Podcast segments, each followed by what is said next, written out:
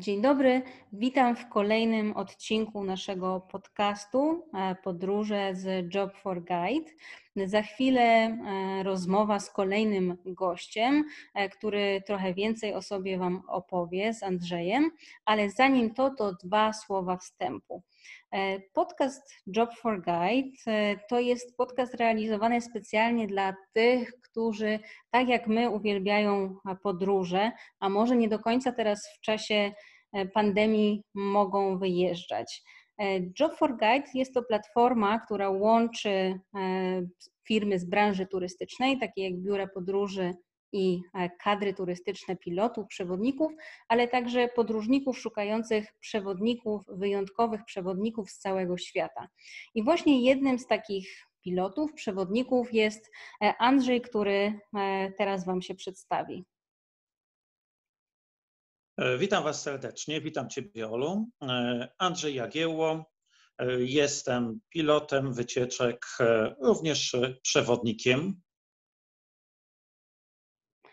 A powiedz Andrzeju, co pilotujesz, gdzie pilotujesz, gdzie jesteś przewodnikiem i od ilu lat jesteś związany z turystyką? Z turystyką jestem związany od 10 lat. Przede wszystkim jako pilot wycieczek, E, również oprócz tego jestem przewodnikiem warszawskim i od niedawna także przewodnikiem świętokrzyskim i sandomierskim. Mhm. Z takich e, destynacji, które pilotuję, e, to przede wszystkim Turcja, to jest Kaukaz, Bałkany, kraje byłego Związku Radzieckiego, jak też i Hiszpania. Rozumiem. A gdzie masz najwięcej grup? Gdzie najczęściej bywasz? Tak jakbym popatrzył przez ostatnie 10 lat, to mm, można byłoby to podzielić na takie pewne e, rejony, mm, jeżeli oczywiście rozmawiamy tu o pilotażu mm, wycieczek. Jasne. I najpierw e, bardzo dużo grup miałem do krajów bałtyckich, to była Litwa, Łotwa, Estonia, później był taki okres, kiedy bardzo dużo prowadziłem e, grup do krajów e, bałkańskich. Tutaj oczywiście z uwypukleniem Chorwacji, Bośni, Hercegowiny, Bułgarii i Grecji. Troszeczkę grup właśnie do Turcji, natomiast przez ostatnie dwa lata e, przed pandemią COVID w zasadzie wyłącznie obsługiwałem grupy do Gruzji i Armenii. Mhm. Czy w takim razie e, Gruzja i Armenia, gdzie najczęściej ostatnio bywałeś, to są takie kraje najbliższe Twojemu sercu, czy jakie są to kraje? Przede wszystkim Turcja i Gruzja. Tutaj nawet bez uwypuklenia, które jest ważniejsze. Możesz mnie zapytać oczywiście, dlaczego Turcja? No, dlatego, że spędziłem tam trochę czasu e, jako student orientalistyki na kierunku turkologia, więc uczyłem się języka, chłonąłem kulturę.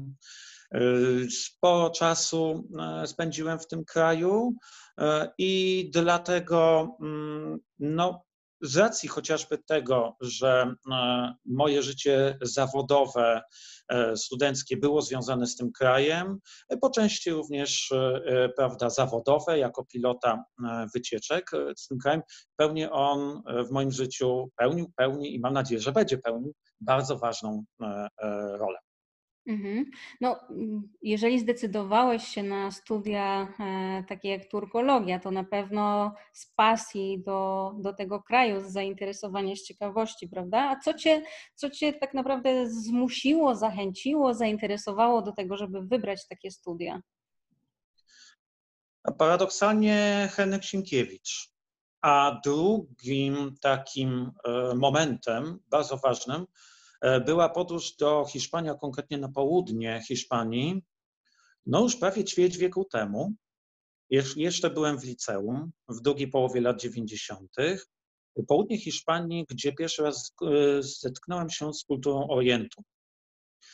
Więc e, tak nawiązując do tego Sienkiewicza w Pustyni w Puszczy, sposób w jaki mm, charakterystyczny dla tamtej epoki, czyli końcówki XIX wieku, początku XX wieku, nasz noblista opisywał ludy, e, które zamieszkiwały inne tereny niż europejskie, skłoniło mnie właśnie do takiego wniosku, jeszcze jako młodego chłopaka, a dlaczego te opisy właśnie wyglądają tak, a nie inaczej. To się tak troszeczkę sprzężyło właśnie e, z początkiem takich regularnych podróży poza Polskę do Europy, później troszeczkę bardziej poza Europę, no i właśnie ta Hiszpania, gdzie spotkałem się, zetknąłem się z kulturą Orientu, Granada, Sevilla, Cordoba, i wtedy chyba coś właśnie tak zaskoczyło, co finalnie e, miało swoją właśnie postać w tym, że chciałem zacząć e, bardziej profesjonalnie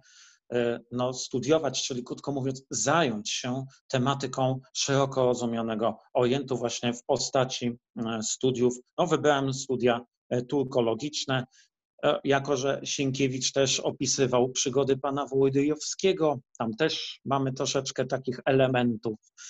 Mm, I tak to właśnie było, czyli troszeczkę naszej literatury, pewne pytania i później podróże, które zaowocowały właśnie tym ostatecznym zainteresowaniem sprawami wschodu.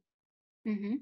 A do dnia dzisiejszego, tak nie tylko z punktu widzenia zawodowego, ale też prywatnego, ile krajów, czy udało Ci się policzyć, ile krajów odwiedziłeś?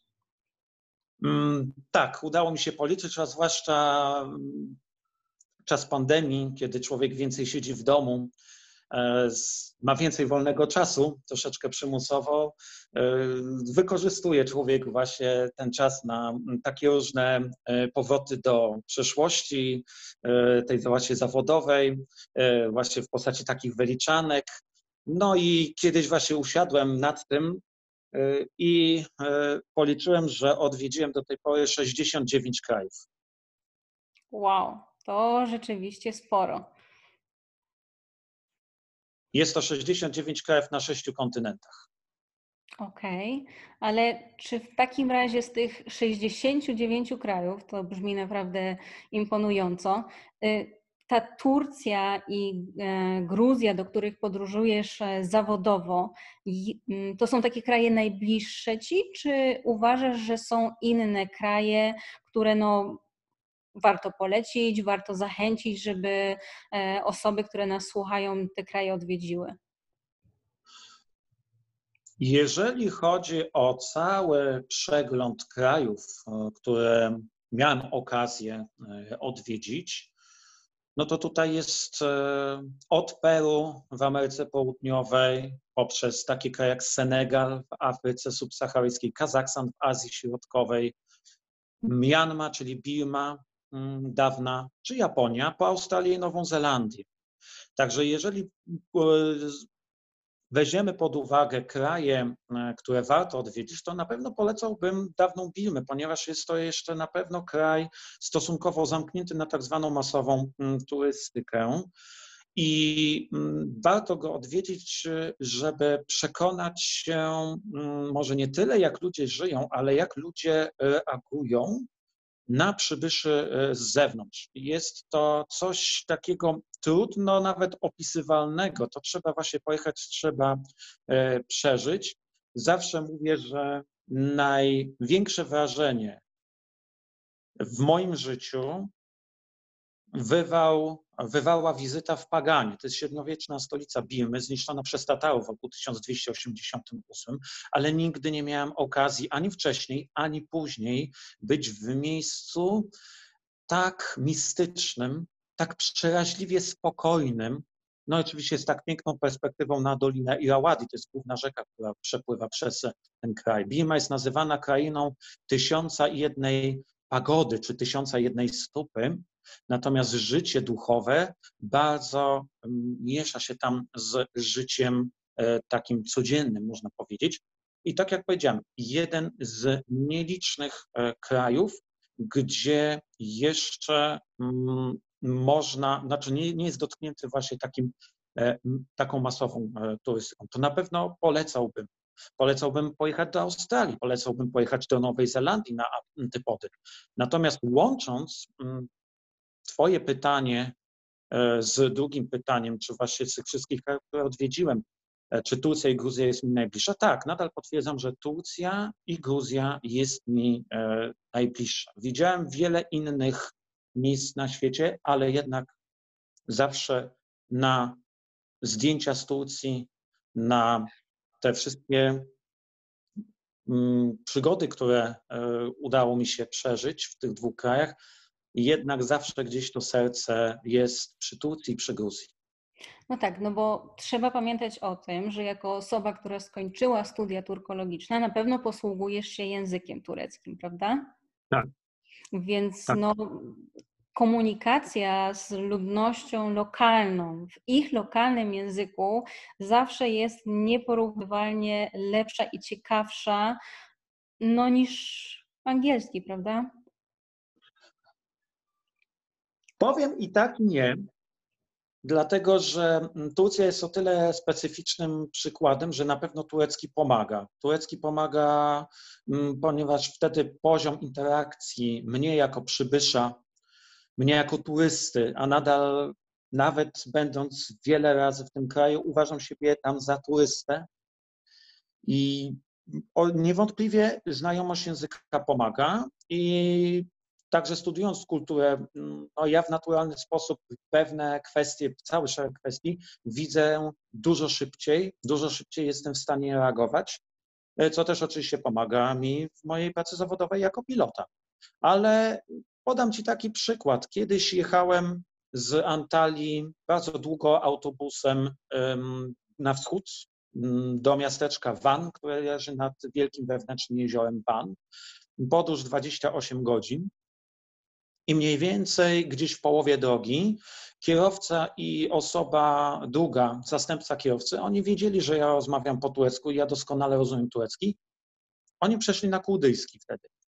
No i tutaj już sprawa była nie taka prosta, y, dlatego że y, widocznie chcieli y, też czasami porozmawiać o rzeczach, może być może na przykład bardziej swobodnie.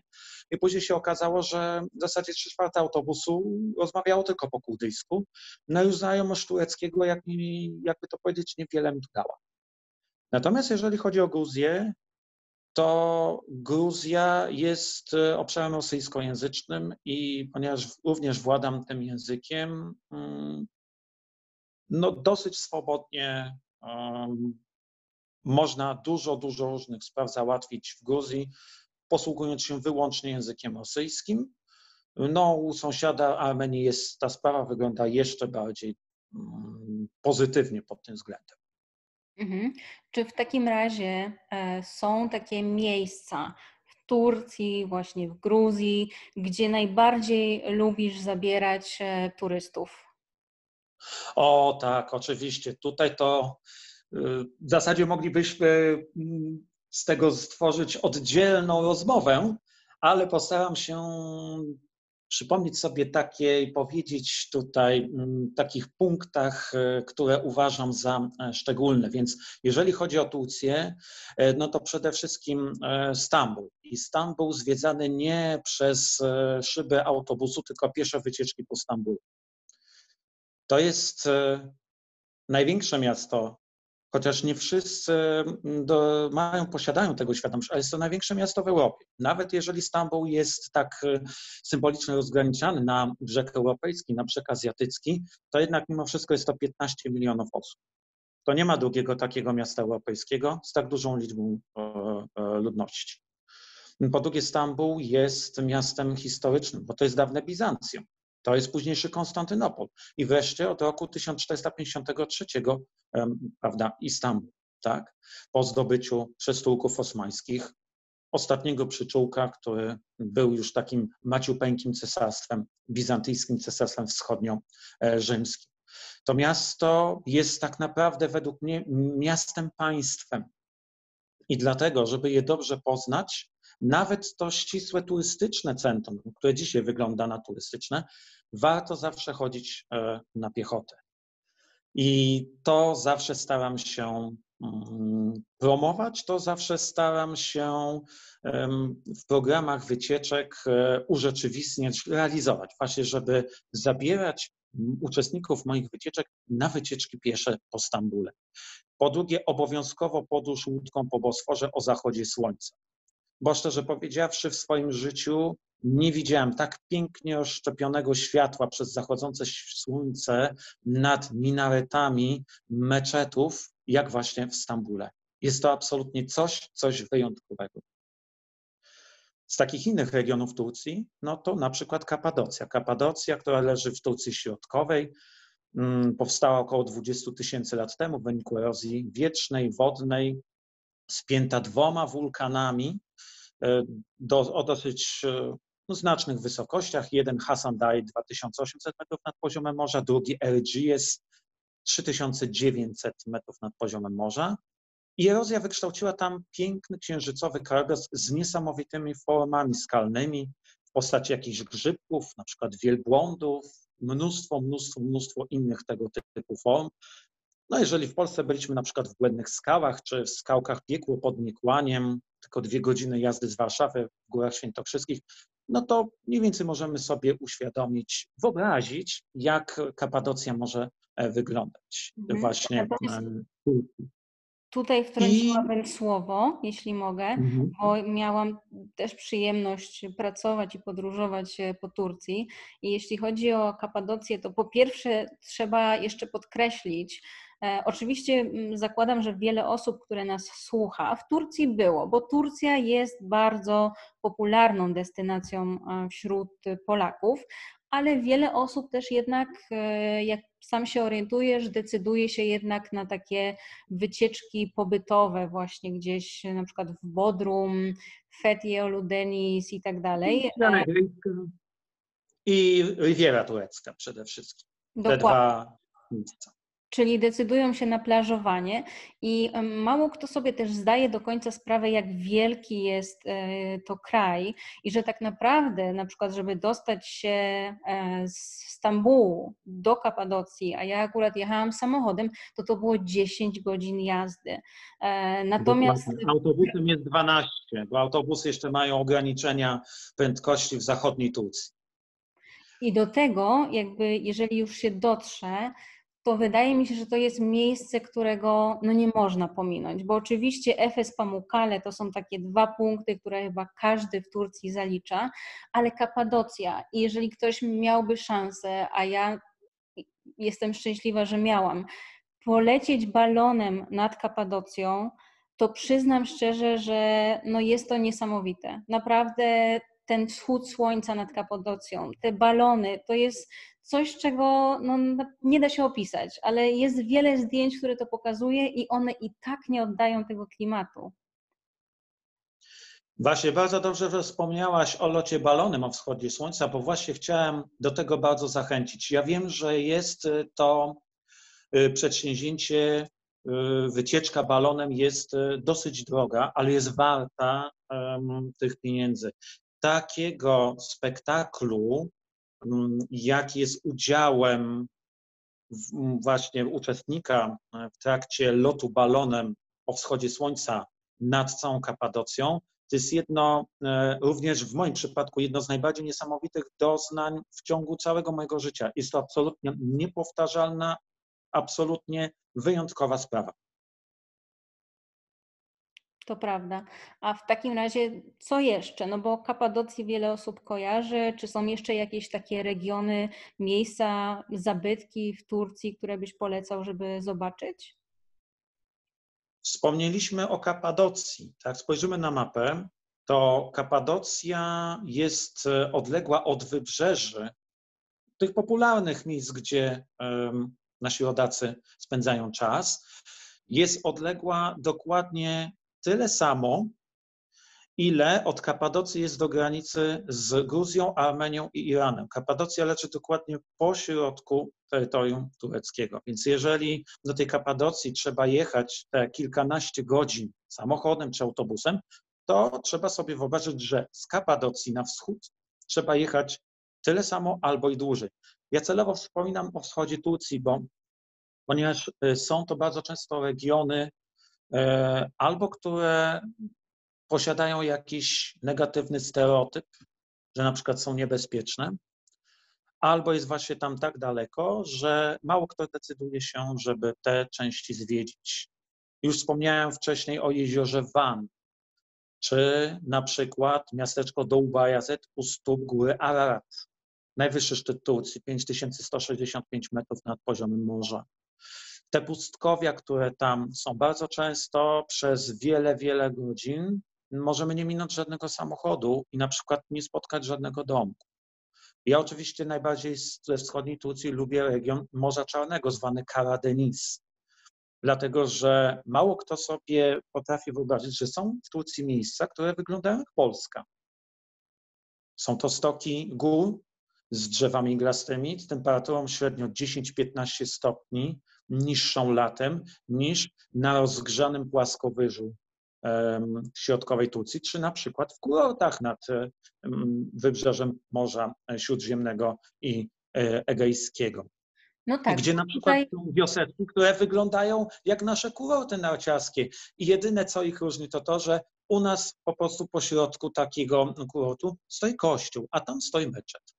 Mhm, bo tutaj właśnie trzeba też podkreślić to, że od kilku lat przynajmniej e, Turcja jest też destynacją narciarską, prawda? Że jednak e, mhm. pojawiają się jakieś wyjazdy z Polski na narty do Turcji. Tak, i to jest konkretnie wzgórza Palandoken. Y, u stóp Palandokenu jest miasto Erzurum i jest to biegun zimna w Turcji. Temperatury potrafią zimą dojść do minus 40 stopni. Wow. To rzeczy, rzeczywiście, um, no nie wiem, czy zachęca może do, do wyjazdu tam, ale na pewno gwarantuje e, pogodę na narty. Y, dużo śniegu i ten śnieg zawsze będzie tam padał. I co jeszcze być może zdziwi naszych słuchaczy, ale śnieg w Erzurum potrafi padać od końca września do początków kwietnia. Mhm. A jak to wygląda w takim razie z Gruzją?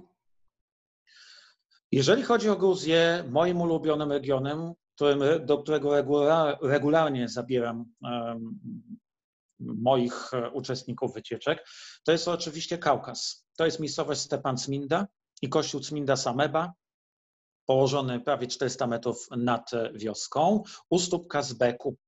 Kazbek to jest jedna z nielicznych, nie jeden z nielicznych szczytów Kaukazu, ciutkę ponad 5000 metrów nad poziomem morza, który można zdobyć bez konieczności używania butli tlenowych. Także Mekka dla miłośników e, wycieczek e, górskich. E, przed pandemią bardzo teren rozwinął się turystycznie. Oczywiście nie mamy dzisiaj tutaj czasu i miejsca na to, żeby spekulować, czy jest to dobrze, czy jest źle. Natomiast właśnie dlaczego Stepan Sminda, dlaczego Kazbek? Dlatego, że sam dojazd ze stolicy Gruzji, Tbilisi, jest już atrakcją. Dlatego, że takie widoki, jakie podczas e, podróży tak zwaną gozińską drogą wojenną z Tbilisi na północ do Stepan Smindy, takie widoki na Kaukaz, jakie tam można zobaczyć, no przyznam szczerze, nawet biorąc pod uwagę moje prywatne wojaże, mm, to nigdzie indziej na świecie, a bywałem w górach dużo wyższych niż Kaukaz, nie widziałem takich perspektyw, jak właśnie e, tam w gruzińskim e, Kaukazie.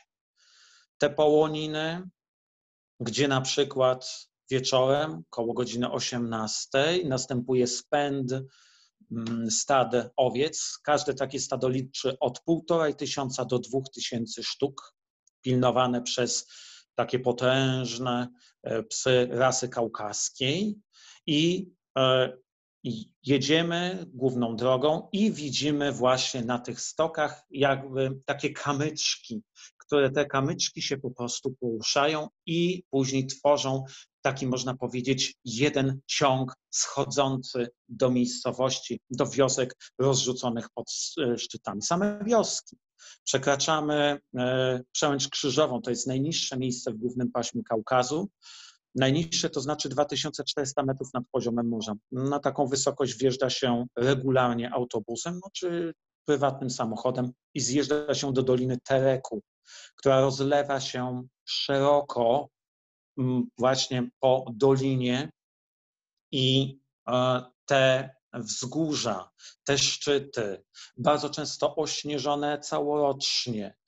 Mm, ta po prostu perspektywa, która tam jest, e, tego, to, to trzeba po prostu pojechać, to trzeba e, e, przeżyć. Bardzo często u mnie w grupach zdarzają się osoby, które też widziały wyższe góry pod tytułem Andy czy Himalaje, ale po wizycie tam zawsze mówię, panie Andrzeju, miał pan rację, takich widoków, jakie są tutaj w Kaukazie, to ja jeszcze nie miałem okazji mm, widzieć.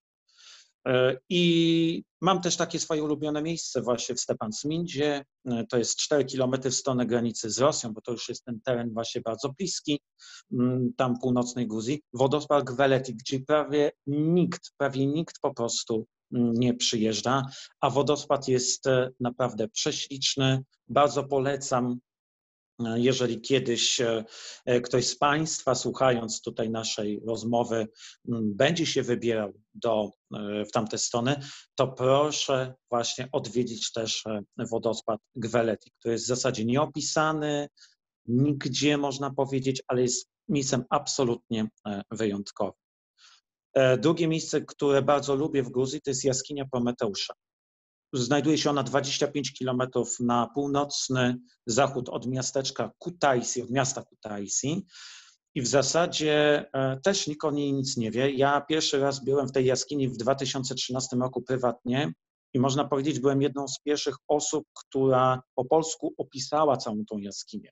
Dlaczego ona jest taka wyjątkowa? Dlatego, że po pierwsze została dosyć późno odkryta i nie została jeszcze zadeptana i zniszczona przez masowy przemysł turystyczny. A po drugie, piękna muzyka i światła zainstalowane, y, które wraz z szatą y, naciekową, którą można tam zaobserwować, powodują niepowtarzalne po prostu wydarzenie, niepowtarzalne widowisko. Także też bardzo polecam, jest to jedno z moich takich bardzo ulubionych e, miejsc. Ja bardzo zawsze dbam o to, żeby wycieczki po Gruzji zaczynać właśnie po wylądowaniu na terenie Gruzji, zaczynać od jaskini Prometeusza, dlatego że na wstępie po prostu e, moi goście dostają taką niepowtarzalną porcję emocji i zachwytu. Także polecam. Mhm. Bardzo Ci dziękuję za te e, uwagi i myślę, że no, każda rozmowa, która pojawia się tutaj w podcaście, e, mimo tego, że większość e, pilotów e, wycieczek podróżuje do tak wielu krajów i mm, każdy z nas jednak ma jakieś takie swoje ulubione miejsce, miejsce, które jest najbliższe jemu sercu, które najbardziej przyciąga nas, które najlepiej znamy. E, natomiast e, chciałabym też, oprócz tego, żeby dzielić się w tych podcastach e, takimi doświadczeniami i poradami podróżniczymi, żeby jednak pokazać naszym słuchaczom takie kulisy tej pracy w turystyce. Dlatego teraz, jeżeli pozwolisz, zapytałabym Cię mm, o coś bardziej zawodowego, czyli z jakimi wyzwaniami przyszło Ci się e, mierzyć e, w tej pracy? E, co jest dla Ciebie najtrudniejsze? Jak sobie z tym radzisz? Hmm. Ja myślę, że można byłoby to podzielić te wyzwania na takie dwie kategorie. Pierwsza kategoria taka czysto techniczna, a druga właśnie taka pozamaterialna, bardziej werbalna, można powiedzieć, też związana z tym, kto jeździ na wycieczki, no i do jakiego kraju. Oczywiście będę się też posiłkował przykładem Turcji i e, Gruzji, ponieważ tam pewne sprawy właśnie można byłoby dobrze tutaj e, przedstawić, znaczy przedstawić te, te, te, te, te prawda, wyzwania na, na podstawie tych dwóch krajów. Więc tak, wracając do tych wyzwań. Kiedyś jeszcze, jak zaczynałem jako pracę jako pilot wycieczek, E, bardzo często wycieczki były realizowane e, autobusami, autokarami i właśnie te sprawy techniczne pod tytułem spisywania kilometrów na początku wycieczki, spisywanie stanu licznika kilometrów na końcu wycieczki, a czasami jeszcze się zdarzało, że trzeba było spisywać e, na każdym kolejnej przekraczanej granicy. Przyznam szczerze, że takie rzeczy trzeba było po prostu o nich pamiętać. Ja zawsze miałem taką karteczkę do tego, żeby pamiętać o tym, żeby spisywać te kilometry, e, ale było to dosyć uciążliwe. E, na przykład rooming listy, czyli listy osób z podziałem na pokoje tworzone e, przez biura podróży. Bardzo często dawniej było tak, że takie listy trzeba było tworzyć ad hoc w autobusie, łącz, znaczy we współpracy z kierownikiem wycieczki, czy na przykład usadzać uczestników w autobusie. Dzisiaj takich technicznych i można powiedzieć dosyć kłopotliwych rzeczy dla pilota. No bo wyobraź sobie, że ja tu opowiadam o wielkich na przykład bitwach, prawda, a podjeżdżamy pod granicę. Wiadomo, że jest stres, e, dlatego że e, bardzo często te zasady przekraczania się zmieniają, komplet dokumentów się zmienia, trzeba wiedzieć do kogo pójść. No i jeszcze do tego ja mam pamiętać o tym, żeby spisać kilometry tak? Więc e, były to takie po prostu uciążliwe e, sprawy, ale w danej chwili, jeżeli chodzi o te techniczne sprawy, już w zasadzie nie ma. Nie spotykam się z tym, dlatego że e, biura podróży starają się mieć te listy już w momencie, kiedy mam odprawę, przekazywać mi je. Ja też tutaj zaznaczę, że ja mm, w większości prowadzę grupy e, zamknięte. To nie są grupy anonimowe, czyli to nie jest e, zbiór osób, które pierwszy raz widzą się, e, prawda, na przykład na lotnisku czy na miejscu zbiórki mm, przed wyjazdem na wycieczkę. Więc mm, Zawsze jest ten kierownik, e, który wie, kto z kim powinien e, prawda, być w pokoju, kto z kim powinien siedzieć. I w zasadzie kierownik podaje e, biuru podróży już gotowe rozwiązanie. Więc dzisiaj już się z takimi rzeczami nie stykam. Natomiast kiedyś, dawniej, te, nie wiem, 7, 8 czy na 10 lat temu, no to jeszcze takie rzeczy, prawda, były i no było, trzeba było bardzo się pilnować, żeby je po prostu o tym pamiętać. Natomiast z obecnych takich kwestii, jeszcze technicznych, e, które są dosyć ważne, e, zwłaszcza jeżeli wyjeżdża się z grupą z Polski e, transportem naziemnym, czyli na przykład autobusem. Bardzo często program wycieczek jest niedopasowany do czasu przejazdu kierowcy. Kierowcy mają swoje przepisy, które wymagają tego, żeby robić pauzy według wytycznych żeby odpoczywać po danym dniu e, spędzonym w autobusie jakąś określoną liczbę godzin.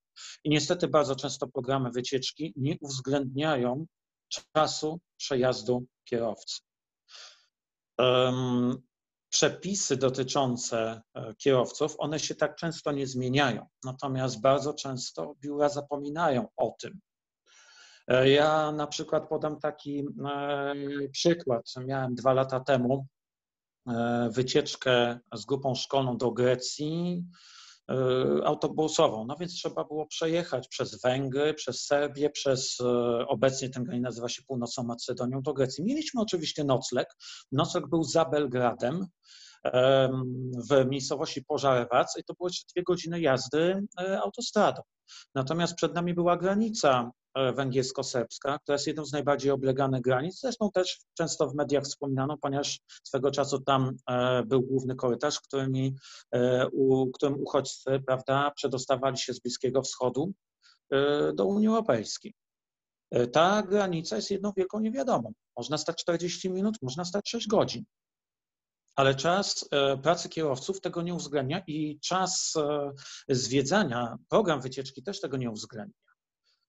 No i żeśmy wtedy stali bardzo długo i kierowcy przekroczyli o dwie godziny um, prawda, swój czas. Trzeba było to oczywiście opisać. Ja też musiałem e, zdać sprawozdanie, dlatego że jeżeli kierowcy nie stosują się do przepisów, to płacą wtedy olbrzymie kary. Albo płacą osobiście, to już zależy od prawda, umowy, jaką mają ze swoją firmą transportową, albo płacą te kary firmy transportowej. transportowej. Więc to jest dosyć ważna sprawa, żeby program wycieczki dopasować do przepisów, które obowiązują e, kierowców. No i teraz co zrobić, co ja mogę zrobić, jako pilot, jeżeli widzę ewidentnie, że program nie będzie, e, nie uda się go zrealizować, bo już wiem o tym, że e, będzie problem właśnie z przepisami dotyczącymi kierowców. Rozwiązania są następujące. Jeżeli ktoś mi proponuje, żebym poprowadził wyjazd jako pilot, to na etapie propozycji składam ja zapytanie, czy na jakim etapie jest tworzony program wycieczki. Jeżeli on jest dopiero tworzony, to pytam się, czy mogę zgłaszać uwagi. Bo jeżeli jeżdżę na jakiejś trasie bardzo, mm, jakby to jest często, no to wiem, gdzie się spodziewać trudności. I to jest pierwsza rzecz, czyli już na etapie tworzenia programu ja dla swojego własnego spokoju, spokoju turystów, spokoju e, kierowców, mogę zasugerować, zasygnalizować, że e, coś trzeba przestawić, dlatego że z powodu czasu pracy kierowców nie będzie to do zrealizowania. Albo na przykład wybrać nocleg w jakimś e, miejscu, tak żeby wszystko było ok i nikt się nie stresował. I to jest pierwsza, mm, pierwszy wariant. Drugi wariant jest taki, jeżeli program już jest i ewidentnie widać, że nie da go się zrealizować w ramach czasowych ze względu na czas pracy kierowcy e, i biuro usilnie e, obstaje przy swoim, że nocleg ma być tu i że na pewno zdążymy, to wtedy ja jako pilot po prostu nie przyjmuję takiego zlecenia. Natomiast jest jeszcze inne rozwiązanie trzecie. Jeżeli program jest elastyczny pod względem kolejności zwiedzania, to znaczy na przykład wracamy tą samą drogą w drodze powrotnej do Polski, ale widzę, że będzie problem z realizacją programu, że ten program jest ciężki do zrealizowania ze względu na czas kierowców. To teraz zależy od tego, jakich będę miał kierowców. Bo na przykład niektórzy kierowcy machają na to ręką i mówią, Andrzej, co tam jedź, gdzie powie, że jedziemy, tam jedziemy, e, firma ma budżet na płacenie kar. Okej, okay. zdarzyło mi się parę razy mieć taką wycieczkę. Ale w większości jest tak, że jednak e, firmy e, no, nie chcą płacić kar dla samego płacenia kar, więc wtedy ja siadam z kierowcami na początku wycieczki albo gdzieś na pierwszym noclegu i wspólnie po prostu analizujemy program, bo to też jest tak, że firma transportowa dostaje program wycieczki, taki sam, jaki ja realizuję z turystami. I kierowcy w momencie, kiedy ja się z nimi witam, oni już wiedzą, gdzie jadą, przynajmniej powinni wiedzieć, i wiedzą, jak prawda, się to ma do przepisów, które ich obowiązują. Okay, a ja, ja tak... siadam wtedy z kierowcami i staram się po prostu dopasować ten program, bo z kierowcami trzeba dobrze żyć. Mhm. A jakaś taka najtrudniejsza, najstraszniejsza sytuacja w czasie e, Twojego doświadczenia zawodowego? Jest to najstraszniejsza sytuacja, znaczy straszniejsza. Um, najtrudniejsza to chyba parę lat temu miałem wycieczkę z Ministerstwa Gospodarki, wtedy się nazywało Ministerstwo Gospodarki. Jechaliśmy do Tuluzy, do Centrum Kosmicznego. Mm, byłem pilotem, E, i e, właśnie obsługiwałem tą grupę. Lot przez Amsterdam do Tuluzy, tam wszystko zostało zrealizowane. No i na powrocie z Tuluzy na lotnisku w Tuluzie e, zepsuły się, znaczy nawalił system do drukowania kart pokładowych. I część grupy miała karty wydrukowane, w tym ja, natomiast dwie osoby z mojej grupy po prostu nie miały tych kart.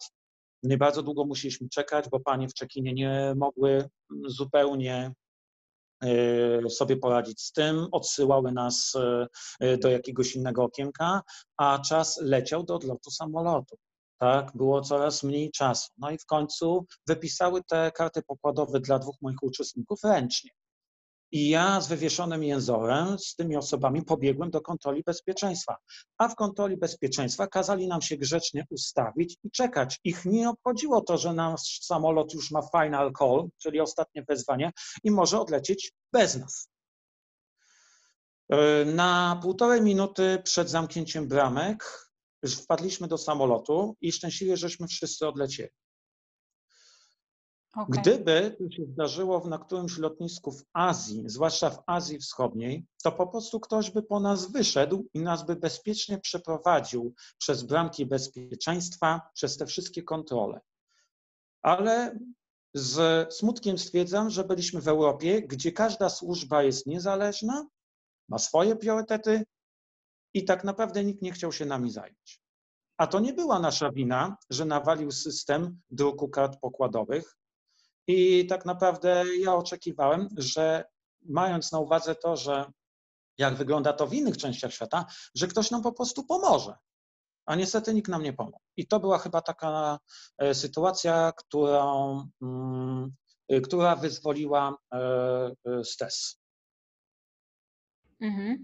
No tak, no rzeczywiście tych sytuacji trudnych, takich stresogennych jest niemało, ale są też sytuacje przyjemne, lekkie, zabawne? Czy masz jakieś takie jedno wspomnienie, które no rzeczywiście było bardzo, bardzo zabawne i, i do dnia dzisiejszego wszystkim o tym opowiadasz? E, słuchaj, to wiesz co, to opowiem o dwóch. Pierwsze to było w Chinach, letni pałac w Pekinie, nie przebrane tłumy odwiedzających, no jak to w Chinach, i wchodzimy na pasaż nad jeziorem. To jest taki łącznik, który łączy dolną część e, całego kompleksu z pagodą kadzidła Boddy. Jak żeśmy tam weszli, miałem grupę około 30 osób. W ciągu jednej sekundy kilkaset aparatów, dosłownie kilkaset aparatów fotograficznych zostało wyciągniętych w górę przez malutkie rączki siedzących, uśmiechniętych do nas od ucha do ucha dzieci chińskich i zrobili nam zdjęcie. Mnie i mojej prawie 30-osobowej grupie. Wszyscy za mną stanęli jak wyrci. Twarze wykrzywione, szok w oczach u moich turystów, wręcz przerażenie.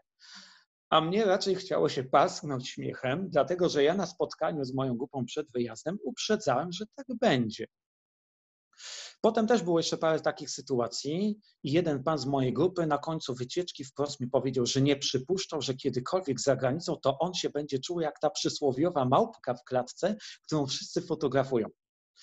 E, dlaczego? Dlatego, że e, większość wewnętrznego rynku e, turystycznych wycieczek prowadzonych w Chinach to, jest, to są wycieczki prowadzone dla Chińczyków. I tamtego dnia w Pekinie, w tym miejscu, byliśmy jedyną grupą tak zwanych białych. I dlatego bardzo żeśmy się wyróżniali, przede wszystkim wzrostem. Jak to Chińczycy mają zawsze w zwyczaju pokazywać na nas palcem i pokazywać nos. Oni im się bardzo nasze nosy podobają, bo one są takie duże i trochę się też z tego podśmiewają. Więc była taka właśnie zabawna mm, sytuacja, gdzie to, to my jako grupa e, z e, kraju zamorskiego jesteśmy atrakcją turystyczną. No to się bardzo właśnie to zdarza. Natomiast jest... słuchaj, druga, druga taka śmieszna sytuacja, to wracałem z Talina z grupą bezpośrednio do Polski autobusem. No i niestety w noc przed wyjazdem w Talinie okradli mi jedno małżeństwo. No, zostały ukradzione dowody osobiste, ale najgorsze to było to, że leki na astmę dla pani. Więc generalnie nastroje w grupie były takie średnie, żeśmy wyjechali, ja tam jakiś film puściłem, no ale przyszedł jeden pan z tyłu autobusu i powiedział, panie Andrzeju, no wiem, że jest tak smutno, ale może jakoś rozruszamy tą grupę. No i wtedy wpadłem na pomysł, E, bo wiedziałem, że grupa ma zachowane kwitki biletowe z promu Helsinki-Tallinn z poprzedniego dnia, a tam mieliśmy takie małe zamieszanie z nazwiskami, które zostały źle wydrukowane, trzeba było to później zmieniać, komuś nie wydrukowali w ogóle karty pokładowej. No więc ogłosiłem przez mikrofon, że otrzymałem wiadomość, iż na najbliższym postoju wszyscy mają oddać mi karty pokładowe na statku, które mają być przekazane przesyłką kurierską do portu w Tallinie, ponieważ wykryto pewne nieprawidłowości. Niestety, kto nie ma tej e, karty pokładowej na statek, e, będzie zmuszony do zapłaty 200 euro kary. I się zrobił tumult. Zaczęli przeglądać, prawda, bagaż. Ktoś tam podszedł do mnie, a już nawet wiem kto. Podszedł pan, który właśnie został okradziony w hotelu e, w noc poprzedzającą i powiedział, że no my na postoju dopiero będziemy mogli e, sprawdzić, bo chyba mamy te karty e, właśnie w bagażu w luku. No i taka sytuacja, słuchaj, słuchajcie, trwała tak 10-15 minut, po czym na postoju żeśmy zjechali i uroczyście oczywiście przez mikrofon e, powiedziałem, że to oczywiście był żart. Ja bardzo przepraszam i teraz możecie, prawda, wyrzucać tu na mnie kalumnię. Natomiast tego się nie spodziewałem. Cała grupa wybuchnęła śmiechem, i e, później, e, prawda, e, tam zrobiliśmy taki postół na obiad i po prostu wszyscy wstali i powiedzieli: Panie Andrzeju, to było bardzo dobre, Pana zdrowie. Okej. Okay. No, w tej pracy jest wiele, że tak powiem, e, niespodzianek, czasami pozytywnych, czasami e, negatywnych, ale no jak tak patrzysz na tą sytuację w tej chwili, to czy uważasz, że e, nasz zawód i w ogóle turystyka ma przyszłość?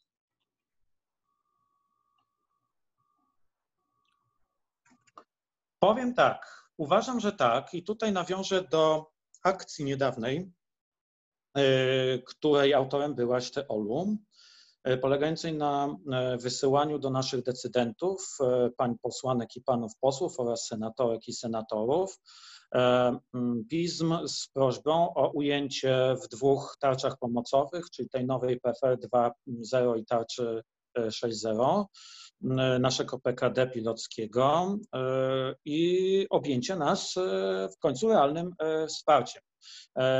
Każde z nas wysyłało, prawda, pismo, które ty między innymi układałaś, natomiast dowol, dowolną sprawą było, jakby to powiedzieć, napisanie takiego maila przewodniego. Tak? To zależało już od nas, każdego z Ja tam zawałem właśnie w tym mailu e, coś, e, mm, co uważam właśnie powoduje, że e, zawód pilota ma wielką przyszłość, a mianowicie napisałem tam, że nawet najlepszy film w technologii 4D czy 4K o Zamku Królewskim w Warszawie, nawet najlepszy reportaż o do, gruzińskiej drodze wojennej w, między Tbilisi a Stepan-Smindą czy na przykład reportaż o kuchni w Stambule nie zastąpią poczucia smaku, nie zastąpią poczucia zapachu, na przykład przypraw, które wydobywają się z jakiegoś sklepu. Nie zastąpią tego poczucia i postrzegania majowej trawy, która spowija i rośnie na stokach Kaukazu. No jeszcze technika nie wymyśliła, żeby jakoś e, przedstawić nam elektronicznie sprawę smaku i węchu.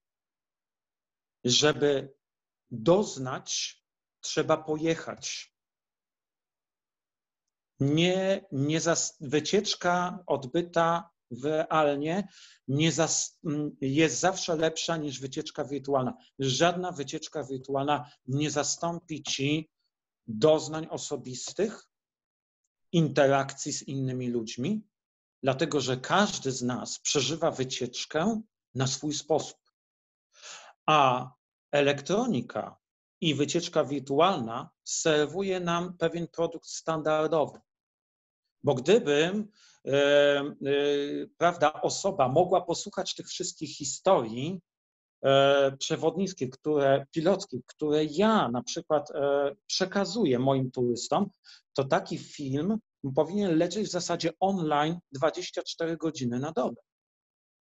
Mhm. Więc mamy sytuację taką, serwuje się nam e, taką obietnicę, że e, nie potrzeba jeździć, bo wszystko jest w internecie. Może jest wszystko w internecie, ale wycieczka Y, realna wycieczka osobista to są przede wszystkim osobiste doznania.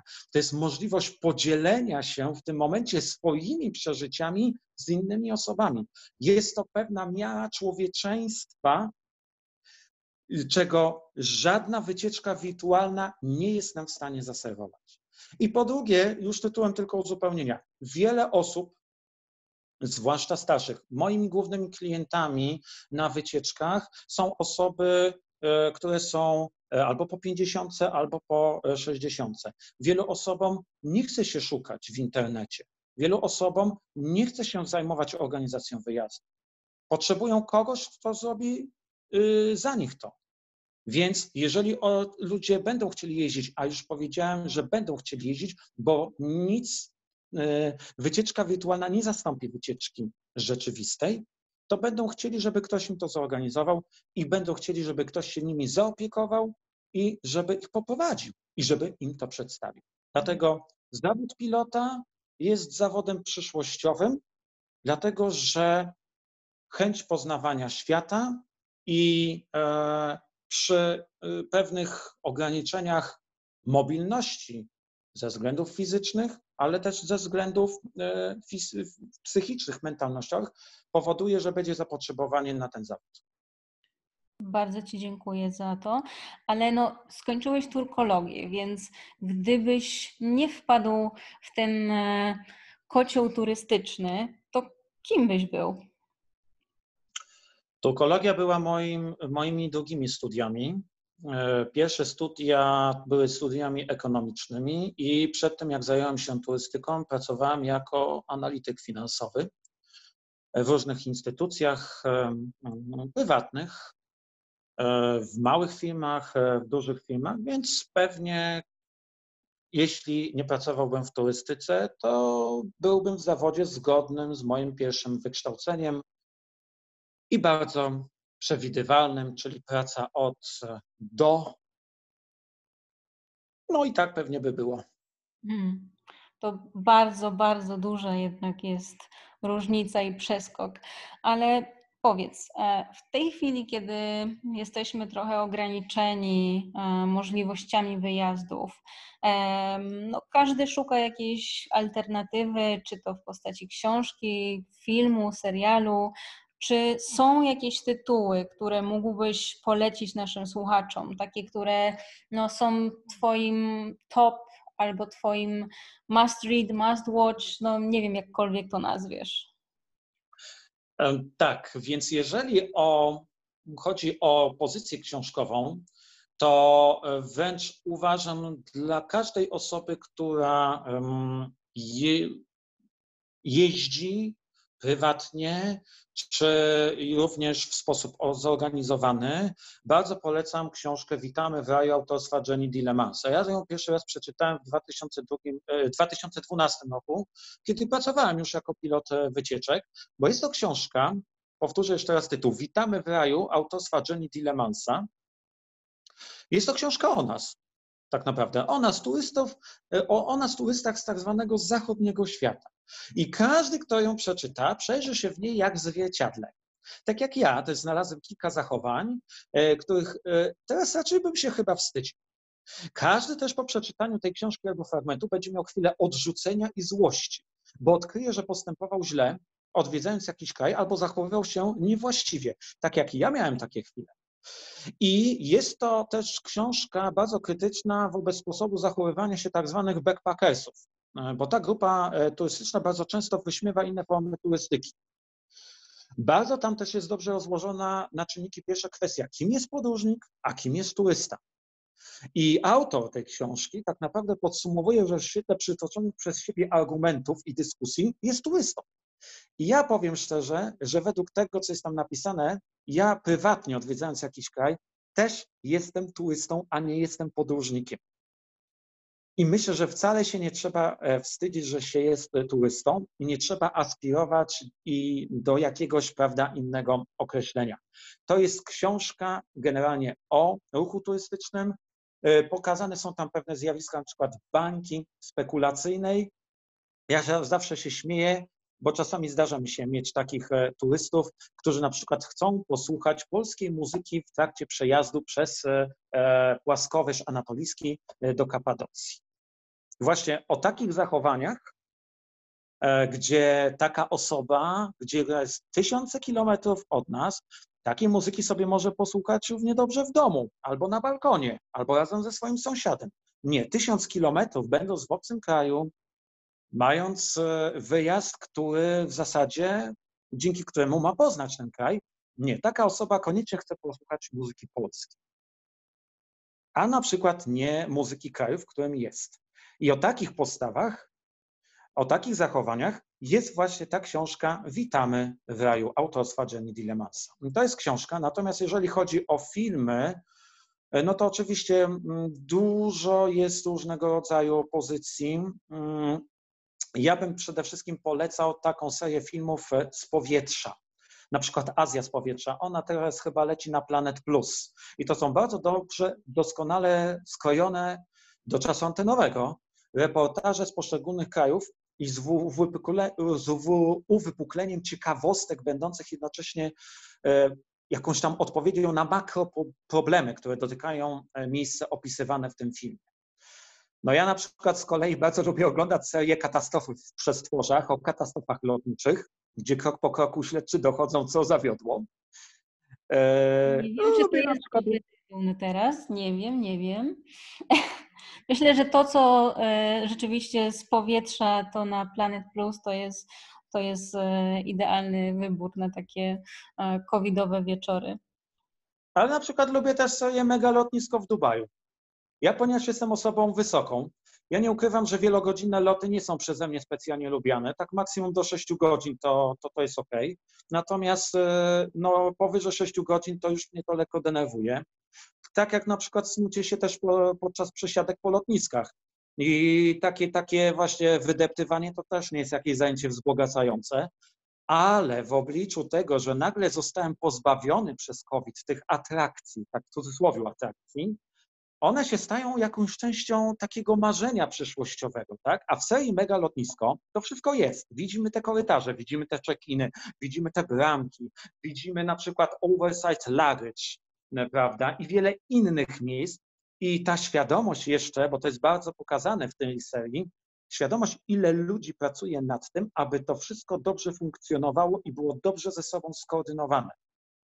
No i dodatkowo człowiek, patrząc na te przestrzenie lotniskowe, przypomina sobie sytuacje własne, właśnie z lotnisk. No tak. Czy w takim razie, skoro już do tego nawiązałeś, mógłbyś nam powiedzieć, no jak e, ta obecna sytuacja na świecie wpłynęła na Twoją karierę? Y, ja miałem sporo szczęścia, dlatego że mm, Miałem już e, w marcu gotowy w zasadzie kalendarz wycieczek pilockich, cały kalendarz na ten rok.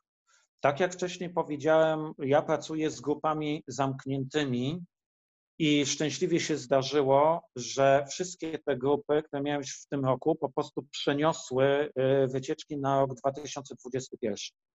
Także ja z punktu widzenia początku grudnia mogę powiedzieć, że mam już ustalony kalendarz na e, przyszły rok. Po prostu zostało wszystko przeniesione. Także e, no mhm. suma summarum tutaj, e, prawda, jakoś mi się to udało powiązać. Natomiast ja ten czas, kiedy nie mogłem wyjeżdżać, przede wszystkim wykorzystałem na przygotowanie się do egzaminu na przewodnika telefonowego po województwie świętokrzyskim. To obejmuje oczywiście Góry Świętokrzyskie i ziemię sandomierską. Nie ukrywam, ten egzamin był najtrudniejszym egzaminem w moim życiu. Mieszanina różnego rodzaju dyscyplin. Dużo trzeba wiedzieć o geologii, Dużo trzeba e, wiedzieć o architekturze. Ja oczywiście um, otrzymując licencję pilota, czy otrzymując licencję przewodnika warszawskiego te wiele lat temu, ja zagadnienia miałem, ale nie miałem ich rozbudowanych aż w takim stopniu, jak teraz musiałem to zrobić. Już nie wspominając o geologii, która w zasadzie była zagadnieniem całkowicie nowym dla mnie. Gdzieś tam, prawda, te 20 czy 30 lat temu gdzieś w szkole było o geologii ale od tego czasu ja się tym w ogóle nie zajmowałem. Więc przewodnik terenowy, kwestia szalenie interdyscyplinarna i przyznam szczerze, gdybym ja miał normalny rozkład wycieczek pilockich, czy na przykład wycieczek jako przewodnik warszawski, Ja miałbym bardzo duże kłopoty ze zdaniem tego egzaminu i rezultat byłby bardzo nieprzewidywalny. A tak paradoksalnie przez pandemię otrzymałem cztery miesiące, no, ponieważ z powodu pandemii egzamin też został przesunięty w czasie o dwa miesiące. Otrzymałem cztery miesiące do swojej wyłącznej dyspozycji wolnego, cztery miesiące wolnego i mogłem się porządnie przygotować do tego egzaminu. No i pisałeś, Także, pisałeś też, tak, prawda? Yy, tak, yy, więc yy, mówię, egzamin zdałem, bo dobrze się po prostu do niego przygotowałem, ale tylko dlatego, że miałem tego, na, na to czas. Mhm. No, w drugiej połowie roku to skupiam się przede wszystkim na prowadzeniu mojego bloga na Facebooku, Latarka w plecaku. E, skupiam się w danej chwili też właśnie na regionie świętokrzyskim. Jest to po prostu dla mnie taki czas uzupełniania wiedzy, dlatego że mm, po tym, jak już nas przysłowiowo wypuszczą z domów, jak pandemia minie, e, część naszych rodaków będzie jeździła też po Polsce, a województwo świętokrzyskie według mnie ma niesamowity potencjał. I Mm, dobrze jest po prostu mm, dla mnie pogłębiać właśnie wiedzę e, o tym e, regionie. W takim razie powiedz jeszcze na koniec, gdzie zamierzasz się wybrać w jakąś daleką podróż, jak tylko będzie to możliwe? No to odpowiem tak, jak odpowiedziałem wcześniej w przypadku moich gości, którzy przesunęli prawie wszyscy swoje wycieczki na 2021. E, miałem jechać w czerwcu tego roku na Wyspy Owcze Islandię, a w październiku do Jordanii. Więc e, planów nie zmieniam, tylko przesuwam je na rok przyszły. Mhm. Super, bardzo Ci dziękuję e, Andrzeju za rozmowę dzisiejszą. Myślę, że no, trochę wiedzy przekazaliśmy naszym słuchaczom e, i e, jeżeli będziecie mieli ochotę e, nawiązać współpracę z Andrzejem, żeby dowiedzieć się więcej, to zapraszamy na stronę Job for Guide, gdzie w tej chwili zarówno rejestracja, jak i korzystanie z portalu są darmowe. Dzięki wielkie i do usłyszenia. Ja również dziękuję i do zobaczenia na turystycznym szlaku.